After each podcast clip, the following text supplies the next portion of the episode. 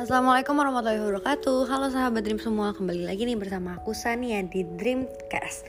Nah di episode kali ini Aku bakal cerita atau bakal ngobrol-ngobrol sama kalian Tentang penyebab rambut kering dan juga rapuh. Nah pasti sahabat Dream di rumah punya ada permasalahan itu. Rambutnya kering ataupun rapuh yang jadi gampang patah gitu. Nah sebenarnya penyebabnya apa sih? Penyebabnya itu ada banyak. Uh, Misalnya uh, bisa juga nih karena uh, mandi menggunakan air, mandi ataupun keramas menggunakan air yang terlalu hangat atau terlalu panas. Nah, suhu panas itu kan dapat membuat si rambut kalian itu apa ya, minyaknya tuh terkikis yang bikin si kekuatan rambut kalian jadi lebih berkurang gitu.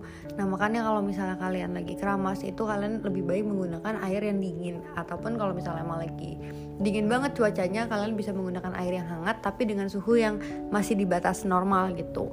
Nah, terus ternyata ketika kalian uh, keramas menggunakan sampo yang salah nih ya yang nggak cocok sama rambut kalian itu juga dapat membuat rambut kalian terlalu kering nah kalau misalnya untuk milih sampo itu sendiri sebenarnya ada beberapa caranya ada beberapa tipsnya. Kalian harus kenalin dulu nih rambut kalian jenisnya seperti apa. Kulit kepala kalian jenisnya seperti apa. Bahkan ada beberapa orang yang menggunakan sampo di kulit kepala dan rambutnya itu berbeda. Karena emang kan kebutuhan kulit kepala dan juga rambut kalian itu kan pasti uh, berbeda-beda setiap orang ya. Kayak misalnya rambut aku pribadi itu uh, rambutnya keriting. Terus habis itu kering tapi nggak terlalu kering. Jadi aku biasanya menggunakan uh, sampo yang emang bisa melembabkan. Tapi kulit kepala aku itu juga normal menuju ke kering lah. Jadi aku bisa menggunakan satu sampo aja karena uh, biasanya sampo yang untuk melembabkan itu bisa melembab melembabkan kulit kepala dan juga rambutnya tapi ada juga nih orang-orang yang memiliki rambut yang tipikalnya kering tapi di kulit kepalanya itu berminyak. Nah itu bisa tuh kalian uh, kombinasiin sampo yang untuk uh, mengatasi kulit kepala berminyak di kulit kepala kalian dan juga ram, uh, uh, sampo yang melembabkan rambut di rambutnya. Gitu. Nah terus uh, mengeringkan rambut menggunakan handuk itu juga sebenarnya uh, bikin rambut kalian jadi rapuh dan juga kering. Apalagi kan aku aku pribadi rambutnya keriting. Tadi aku udah cerita ke sahabat trim semua nih. Nah rambut yang keriting itu tipikal rambutnya itu lebih gampang apa ya bisa dibilang tuh lebih sensitif lebih sulit uh, perawatannya dibandingin rambut lurus. Dan aku kayak emang udah tahu dari lama kalau misalnya aku ngeringin rambut itu nggak boleh pakai handuk makanya aku biasanya kalau misalnya ngeringin rambut itu entah pakai handuk yang super halus gitu serat-seratnya ataupun kalau misalnya aku uh, karena nggak punya jadi aku ngakalinnya itu pakai kaos yang udah aku pakai itu untuk di popping gitu di rambut kalian supaya si rambutnya itu tetap bisa apa ya kering tapi nggak kena si tekstur-tekstur kasar dari handuk yang kalian gunakan. Nah terus yang terakhir ya, ada dua lagi nih sebenarnya penyebab rambut kalian menjadi rapuh dan juga kering.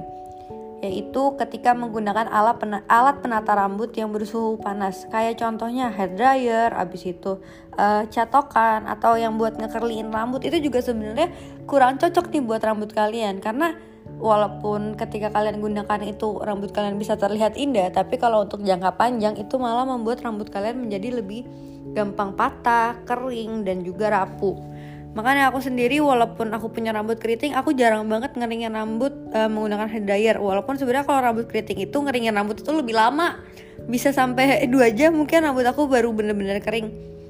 Tapi karena aku nggak mau rambut aku lebih rusak lagi, jadi aku biasanya ngeringinnya ya udah biarin aja gitu.